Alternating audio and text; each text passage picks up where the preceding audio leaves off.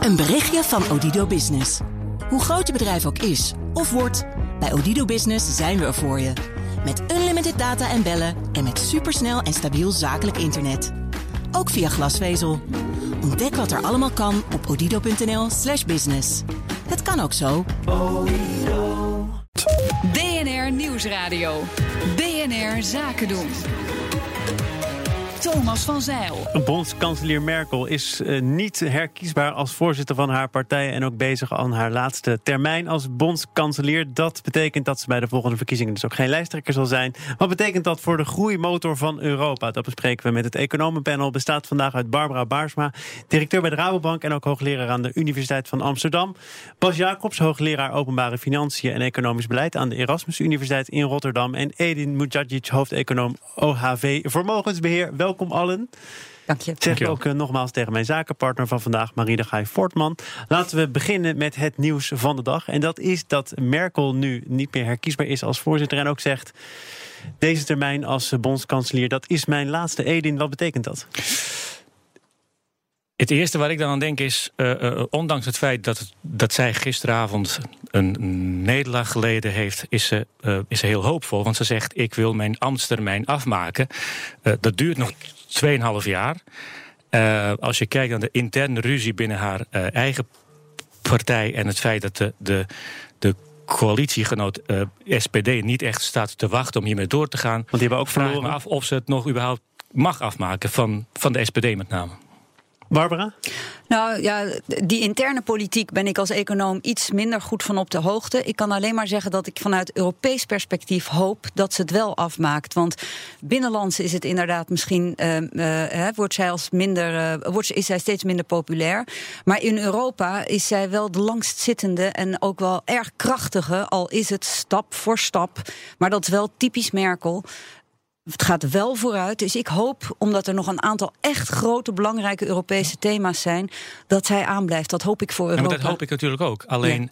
Ja. Um, het feit is dat zij regeert met de SPD. SPD heeft bij het aantreden in 2017 gezegd: na twee jaar lassen we een review in. We gaan kijken hoe het gaat. Dat is volgend jaar. Uh, ik hoor alleen maar geluiden steeds harder uit de SPD-hoek. We moeten er gewoon mee stoppen, want wij worden ook afgestraft voor wat zij doet in eigen land. Ja, dan. maar het alternatief voor de SPD, en dit is gewoon vaak een politieke lock-in, is nog slechter. Namelijk als er nu verkiezingen zouden zijn, zouden ze nog meer verliezen. Uh, zou ze nog slechter voorkomen te staan. Dus ik denk dat ook de SPD er baat bij heeft dat Merkel uh, als verlengstuk van hun gezamenlijke GroKo, hè, ja, hun ja. coalitie, uh, dat zij het goed doet in Europa. En dan kunnen zij misschien binnenlands wat sier maar maken. Waar ik me wel zorgen over maak is, als je kijkt naar hoe lang het heeft geduurd voordat een Duitse regering is, werd samengesteld. Uh, na de verkiezingen. Het Sinds het einde ooit. van de, van, ja. van de Tweede ja. Wereldoorlog, dat, dat, gemiddeld is het 43 dagen. De laatste keer duurde het 170 dagen. Stel je voor er zijn dat. landen die daar nog steeds jaloers op kunnen zijn. Hoor. Ja, Ja, dat is goed, maar we hebben het over het land dat, dat, dat, dat in de moeilijkste periode, sinds 2008, een soort bastion van stabiliteit is geweest in Europa. En nu komt die stabiliteit, komt daar, uh, is daar een groot vraagteken boven. Ja. Dat is voor Duitsland niet goed, dat is voor, voor de euro niet goed, voor Europa niet goed, eigenlijk voor niemand goed. Ik ben, ben ik het mee eens, want dit is volgens mij het grootste nieuws. Duitsland heeft uh, nu een positie in de wereldorde. Uh, je zou kunnen zeggen het enige baken van werkelijke stabiliteit. En Merkel is daar voor mij de belichaming van. En uh, hoewel ik enorm veel kritiek heb gehad op het gevoerde beleid tijdens de eurocrisis, wat door Duitsland en Nederland, uh, wat mij betreft, uh, de plank zeer missloeg. Want het, denk het, ik het Nederlands beleid was eigenlijk Duits beleid, toch? Ja, dat, dat was twee handen op één buik. Dat, ja. maar Merkel is denk ik in politiek opzicht uh, ongelooflijk belangrijk geweest voor de stabiliteit in Europa. En ook nu zie je dat Duitsland ten prooi valt aan allerlei, je zou kunnen zeggen, uh, bewegingen in het electoraat naar de flanken. Alternatieven voor Duitsland wordt steeds, uh, steeds belangrijker. En ook daar zie je dezelfde tendensen die je eigenlijk overal in de wereld ziet. En ja, ik maak me wat zorgen over de internationale politieke stabiliteit, de liberale wereldhandelsorde. allemaal dat soort dingen die nu misschien onder druk komen te staan. En als je al aankondigt als leider, ik ga nu naar de uitgang, dan verspil je denk ik ook een deel van je leverage. Als, of, als, of eh, juist niet, want wij hebben, we zijn de dag ermee begonnen. Het is inderdaad het belangrijkste nieuws. Dus de rode draad ook eh, door BNR eh, Nieuws, uh, zaken Ja. doen nu. Dat toch misschien doordat ze het juist nu doet... en juist ook vasthoudt aan van ik ben wel de bondskanselier... dat ze daardoor nog juist wel een beetje dat van tevoren af eh, kan stoppen. Aan Nee, de maar ze moest het ook doen. Hè. In december zijn er straks weer verkiezingen van de partijvoorzitter van CDU, CSU. Ehm, zij heeft altijd gezegd, het Bundes- Bundeskanzlerschap, schap, sorry, ik word er helemaal eh, Duits en Eng- Nederlands door elkaar, eh, is voor haar één op één verbonden aan het partijvoorzitterschap. Ze weet al, ik moet. Eh, en dat vind ik krachtig, echt krachtig leiderschap. Ik word niet de volgende partijvoorzitter. De, de partij heeft nodig dat dat een nieuw iemand wordt. Dus ik kan het alleen maar daar ruimte voor geven als ik nu al aankondig weg te gaan. Daarmee geeft ze ook de ruimte aan haar opvolgers om eh, die tijd ook te nemen. Drie jaar of misschien wat minder. Maar ook de ruimte voor speculatie, Maar voor de vraag is- onzekerheid. Naar Ja. wie moet je als Ja. eh, financiële markten straks luisteren als je Angela Merkel als baas van de Duitse regering hebt, die dus zegt over twee jaar of tweeënhalf jaar ga ik stoppen. En de nieuwe aanvoerder van CDU, CSU, die waarschijnlijk haar rol over gaat nemen. Wat als hij, want Of een zij, hè? Er zit ook een vrouw eh, Wat ik meegrepen heb, is dat het waarschijnlijk een hij Heel wordt. goed, eh, Barbara. Wat voor Ja. koers Ja. gaat hij varen of, of, of zij varen? En als, als dat niet één op één loopt tussen nu en het moment dat Angela Merkel moet stoppen, krijg je die onzekerheid die heel lang duurt in Europa. Naar wie moet je luisteren? En dat lijkt me nergens goed voor. Ik, ik wil ook nog even, want we zijn toch met economen hier onder elkaar, eh, naar een uitdrukking of een uitspraak die Merkel eerder deed, namelijk na het verlies in Beieren. Die zei: ik, Op de een of andere manier lukt het me niet. De economische data zijn positief, de werkgelegenheidscijfers zijn positief. Op de een of andere manier lukt het me niet om dat te verzilveren. Het vertrouwen is te broos. Ik moet iets anders gaan doen. Dus hoe, hoe het economisch gaat en dat iedereen, of in ieder geval veel mensen een baan hebben, dat doet er kennelijk dus niet meer zoveel toe. Ja, dit, dit vind ik een groot probleem met, met politiek wereldwijd. En ik heb het idee dat eh, sociaal-economische kwesties eh, kiezers niet in vervoering kan brengen. Maar wel zaken die gaan over identiteit, die gaan over migratie, die gaan over nationalisme. Eh, ik zie nu ook wat er weer dit weekend in Amerika gebeurt. Daar worden mensen eh, eh, tot, eh, tot grote hoogte in emotie opgestuwd.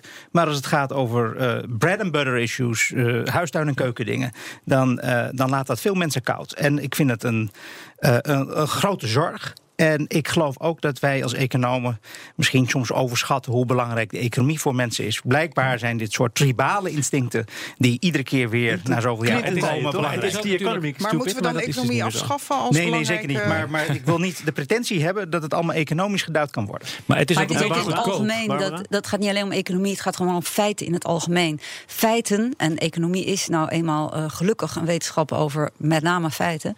eh, de, ja, de- die, die, die zijn veel minder belangrijk geworden. Ik denk dat eh, als, als we hopelijk is er wel ruimte om op daden. eh, eh, af, te, af te rekenen, wou ik zeggen, electoraal af te rekenen.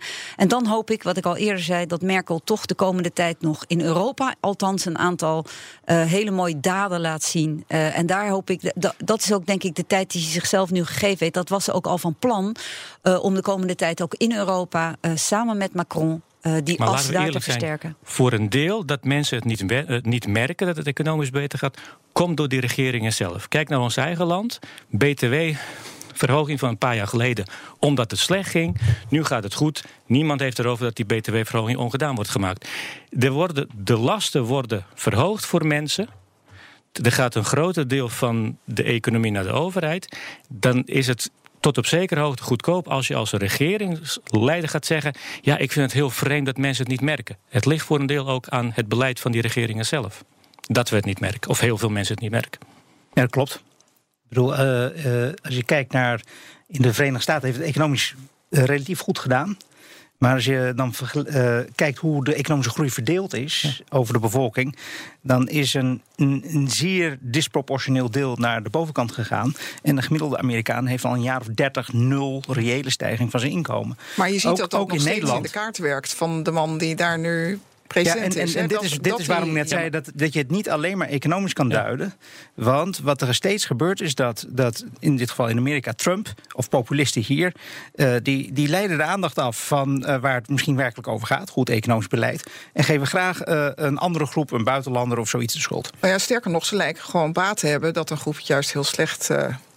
maar toch blijft het een puzzel, hè? Dat ja. zowel de keuze voor Trump Juist door de achterban die Trump dacht aan te spreken, namelijk het middeninkomens, die er al inderdaad jaren niet op vooruit waren gekomen, en ook wel de lagere middeninkomens, of Brexit, uh, zijn allemaal de mensen die daarvoor gestemd hebben, die hebben eigenlijk in hun eigen voet geschoten met die stem.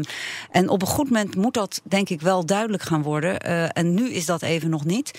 Maar ik vind in Duitsland is er wel iets anders aan de hand. Daar zie je ervoor dat de Groenen, die winnen hard. Hè? Ten, opzichte, met name van de SPD uh, eh, winnen die. Uh... Nou, de flanken winnen, dat kun je Ja, maar, maar de Groenen hebben, nee, die winnen juist omdat ze wat naar het midden zijn opgeschoven. Die hebben zich juist wat minder, laten we zeggen, uh, linksbuitenbenig opgesteld. Die zijn wat meer naar het midden, naar, naar, nou niet naar rechts, dat zou ik niet willen, maar zijn iets minder links en iets liberaler geworden. En die hebben daar ja, echt wel stemmen weggehaald bij het midden. We gaan zo meteen nog even kort naar een andere verkiezing die ook misschien toch moeilijk alleen economisch te duiden is: Brazilië. BNR Nieuwsradio. Zaken doen. En te gast zijn Bas Jacobs, hoogleraar openbare financiën en economisch beleid aan de Erasmus Universiteit in Rotterdam. Edin Mujadjic, hoofdeconoom OHV Vermogensbeheer. En Barbara Baarsma, directeur bij de Rabobank en ook hoogleraar aan de Universiteit van Amsterdam. Tezamen het economenpanel, maar toch ook een beetje een politiek panel of verkiezingspanel voor de gelegenheid. Barbara, jij was uh, nog niet zo gek lang geleden in Brazilië, waar ze een nieuwe president hebben. Ja. Uh, iemand waarvan gezegd wordt, hij weet in ieder geval niets van economie. Uh, nou, ik ken de man persoonlijk. Ik was in Brazilië voor de bank overigens, dus keek er via een financieel-economische bril naar dat land. Het land is groter dan Europa. Dus als je zegt, ik ben in Brazilië geweest, moet je dat wel relativeren. Waar was je? Ik was in Sao Paulo en, Las, en, en in Palmas, maar dat doet er even niet toe. Uh, als je kijkt naar dat land via een uh, economische bril, dan, dan, ja, dan vallen de schellen je van de ogen. De arbeidsproductiviteit is extreem laag. De infrastructuur is heel slecht. Dus ze hebben heel veel agriproductie daar bijvoorbeeld, maar die komt niet op tijd bij de haven, omdat de rails en de wegen zo slecht is. In de haven staat het ook te verpieteren, omdat het niet wordt overgeslagen. Um, het is een supergesloten economie met heel veel bescherming voor binnenlandse sectoren. Daarom is die arbeidsproductiviteit ook zo ontzettend laag. Zeer hoge uitgaven aan onderwijs, gek genoeg. Uh, veel hoger dan in Nederland. Alleen de gemiddelde Braziliaan, spreekt ook geen Engels, heb ik ervaren, zit namelijk maar zeven jaar op school. Uh, hele grote tekorten. Wat uh, gebeurt er dan met dat geld? Ja, dat, dat is uh, Begin met ze hebben daar een grote informele ah, economie. Laten we het daar informele maar economie. Die wordt wel aangepakt, hè? Ja. Tenminste, dat is de nou, belofte. Ja, dat, ja, hij heeft waarschijnlijk gewonnen, Bolsonaro, de huidige, de, de binnenkort president, omdat hij als een van de weinige uh, politici niet uh, in een, allerlei corruptieschandalen, althans nog niet, is boven komen drijven. Ze hebben enorme tekorten, enorme overheidsschuld, die alleen maar op gaan nemen. Want wat hebben zij? En dit moet als allereerste worden aangepakt. Als dit niet wordt aangepakt, kan je de rest doet er niet toe. Is hun pensioenstelsel.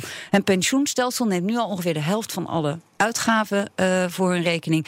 En dat is werkelijk, als je er vanuit onze perspectief naar kijkt, waarbij we net de AOW-leeftijd enzovoort hebben verhoogd, daar heb je al recht op pensioen. Uh, het is ongelooflijk.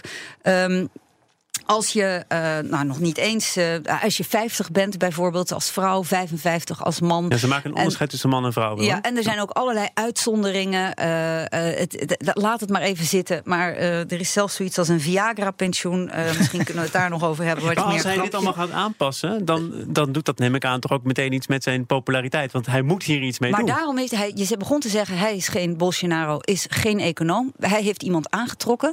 En dat is een gepromoveerd econoom ja. van de Universiteit van Chicago, die meteen zeer, voor, he, zeer heel in onze ogen hier, economenogen, goede dingen begon te roepen als hervorming van het belastingstelsel. Uh, mind you, het invullen van een uh, belastingformulier in Brazilië kost meer dan 2000 uur.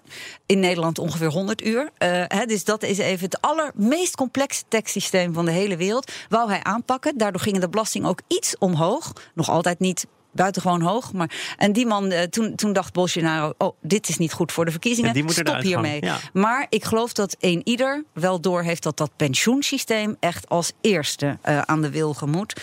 Um, en dat is denk ik, ja dat, dat, ja, dat kan gewoon niet anders. Want er blijft ook wel wat van hem over als hij dit soort dingen gaat aanpakken. Er wordt ook gesproken over veel uh, privatiseringen, onder andere van het grote oliebedrijf. Ook een, een Petrobas, ja. Ook een teerpunt. Ja, die privatisering, dat moet ik nog zien. Want daar zit. Ja, ik snap het wel overigens. Want er is wel erg veel overheidsgecontroleerde economie in dat land.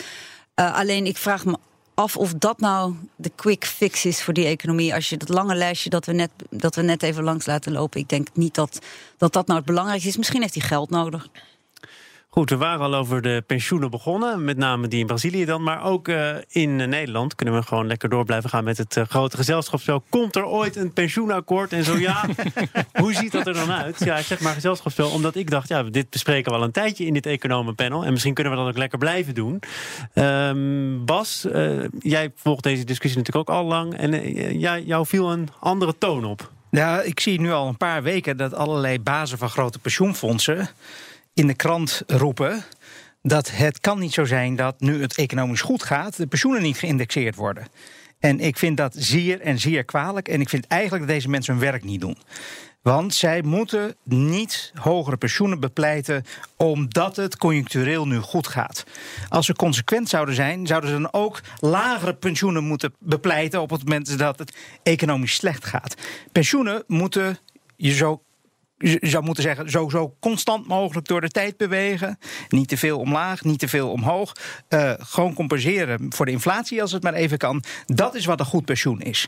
Maar pensioenfondsdirecteuren die zeggen dat het met de conjunctuur op en neer gaat, die doen hun werk niet. En ben je het eens met hoe uh, Wouter Koolmees daarmee omgaat? Uh, nou, er zit hier een hele vervelende discussie achter. En dat heeft te maken met de rekenrente in een nieuw pensioensysteem. Kun je dat toch nog even heel kort uitleggen? want het is helaas voor de meeste mensen niet iets waar ze heel vaak mee bezig zijn. En hier is een conflict tussen de Nederlandse bank en Wouter Koolmees aan de ene kant. En de polder, dus de, de, de, de, de pensioenuitvoerders, de vakbonden, werkgevers aan de andere kant.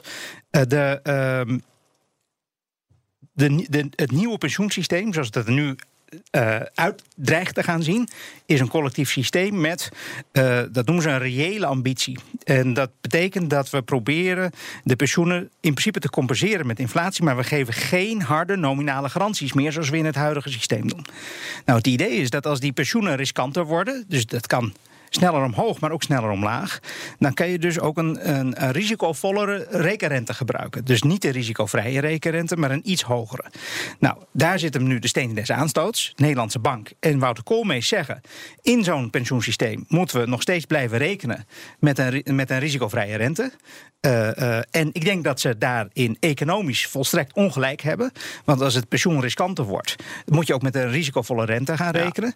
Maar ik heb ook het idee dat er waarschijnlijk allemaal ouders onder het gras zitten. Dat ze dat niet voor niets doen.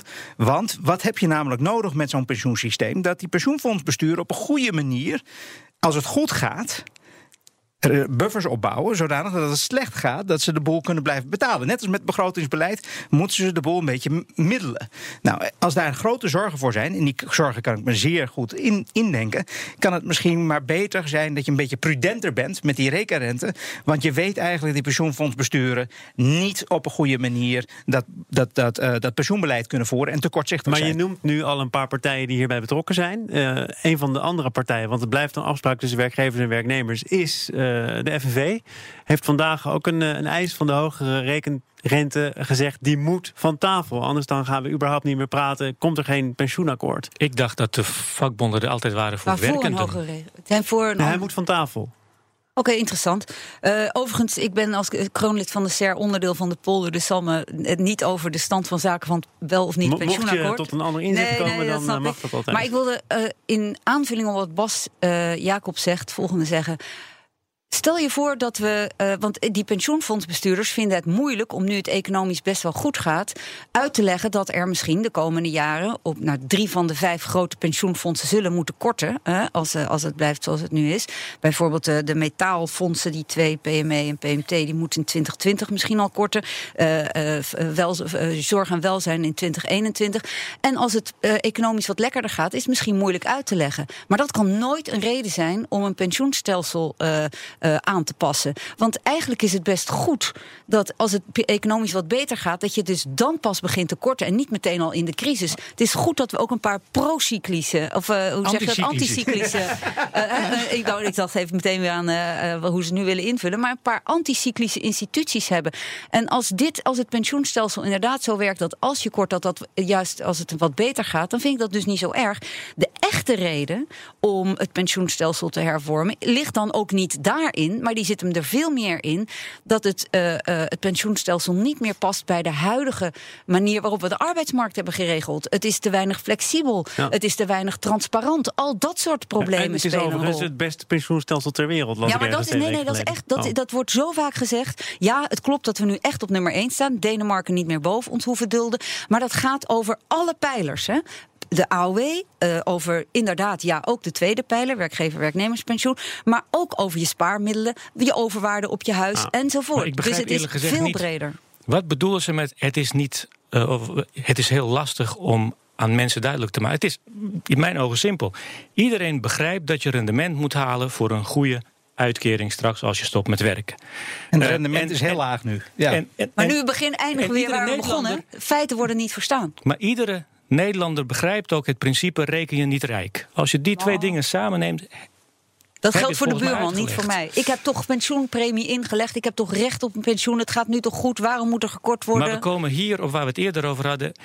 Omdat we heel lang hele grote groepen mensen genegeerd hebben. Ja, ja, ja. Ik ben het met je eh, eens. Maar- zijn ze niet ontvankelijk voor, voor, voor feiten. En dit is een van de problemen die dat oplevert. En, en er zit ook nog Maar iets, moeten we het iets probleem dan groter maken? Nee, en ik vind het ook onverantwoord dat je al in de discussie over zoiets groots. hoop je dat de partijen die aan tafel gaan zitten om het daarover te hebben. aan tafel gaan zitten met het idee, we moeten eruit komen. Als je voordat je gaat zitten al een ultimatum gaat stellen. wat de vakbonden doen. dan ben je gewoon onverantwoord bezig, denk ik. En maar Laatste die- maar- woorden van maar Bas dat, dat, dat ultimatum dat is tot op zekere hoogte nog te begrijpen ook. Want als je een gegarandeerd pensioen met enige mate van inflatieindexatie beloofd hebt, of daar rekenen mensen althans op, dan heb je gewoon nu te weinig geld. En op het moment is dat je naar een dat heeft systeem zou gevolgen. willen, op het moment dat je nieuw, naar een nieuw systeem zou willen, bijvoorbeeld met het afschaffen van de doorsneepremie, zie je dat allerlei ongedekte rekeningen in het systeem zich direct manifesteren en moet er pijn verdeeld worden. Vraag nu aan een vakbondsbestuurder: wil jij even een partijtje pijn verdelen met je achterban? Natuurlijk zegt hij nee. Dus op het moment dat er ongedekte rekeningen in het systeem zitten, bijvoorbeeld van de, van de doorsneepremie, maar ook omdat we te veel inflatieindexatie hebben beloofd, lukt het niet om die transitie te maken. En dan wordt het verknoopt met nou, de AOW-leeftijd, eh, misschien wat minder hard omhoog. Wordt het verknoopt nu met geknoei met de rekenrente. Ja, overigens had ik dat naast, soort zaken. de vakbond wil inderdaad een hogere rekenrente, omdat pensioenfondsen zich nu arm rekenen. ja, ze willen het juist wel op tafel. nee, Ja, nee, ik, dacht, ik, zat- dacht ineens nee, dacht ik van hé, hey, ik zie hier ineens denken. allemaal opties. Ja, ja, ja nee, ik zat ernaast. Maar goed, ik, ik ben ruidelijk genoeg om te erkennen dat. Wat fijn dat je dat even Ja, recht zet. Precies. Nou, dan kunnen we misschien eh, afronden, want eh, niet alles is gezegd, maar toch een hoop. Door onze economen Bas Jacobs, Edin Mujagic en Barbara Baarsma. En uiteraard is er ook veel gezegd. Dank daarvoor door mijn zakenpartner Marie de Gaai Fortman. Een berichtje van Odido Business. Hoe groot je bedrijf ook is of wordt, bij Odido Business zijn we er voor je. Met unlimited data en bellen en met supersnel en stabiel zakelijk internet. Ook via glasvezel. Ontdek wat er allemaal kan op odido.nl/slash business. Het kan ook zo.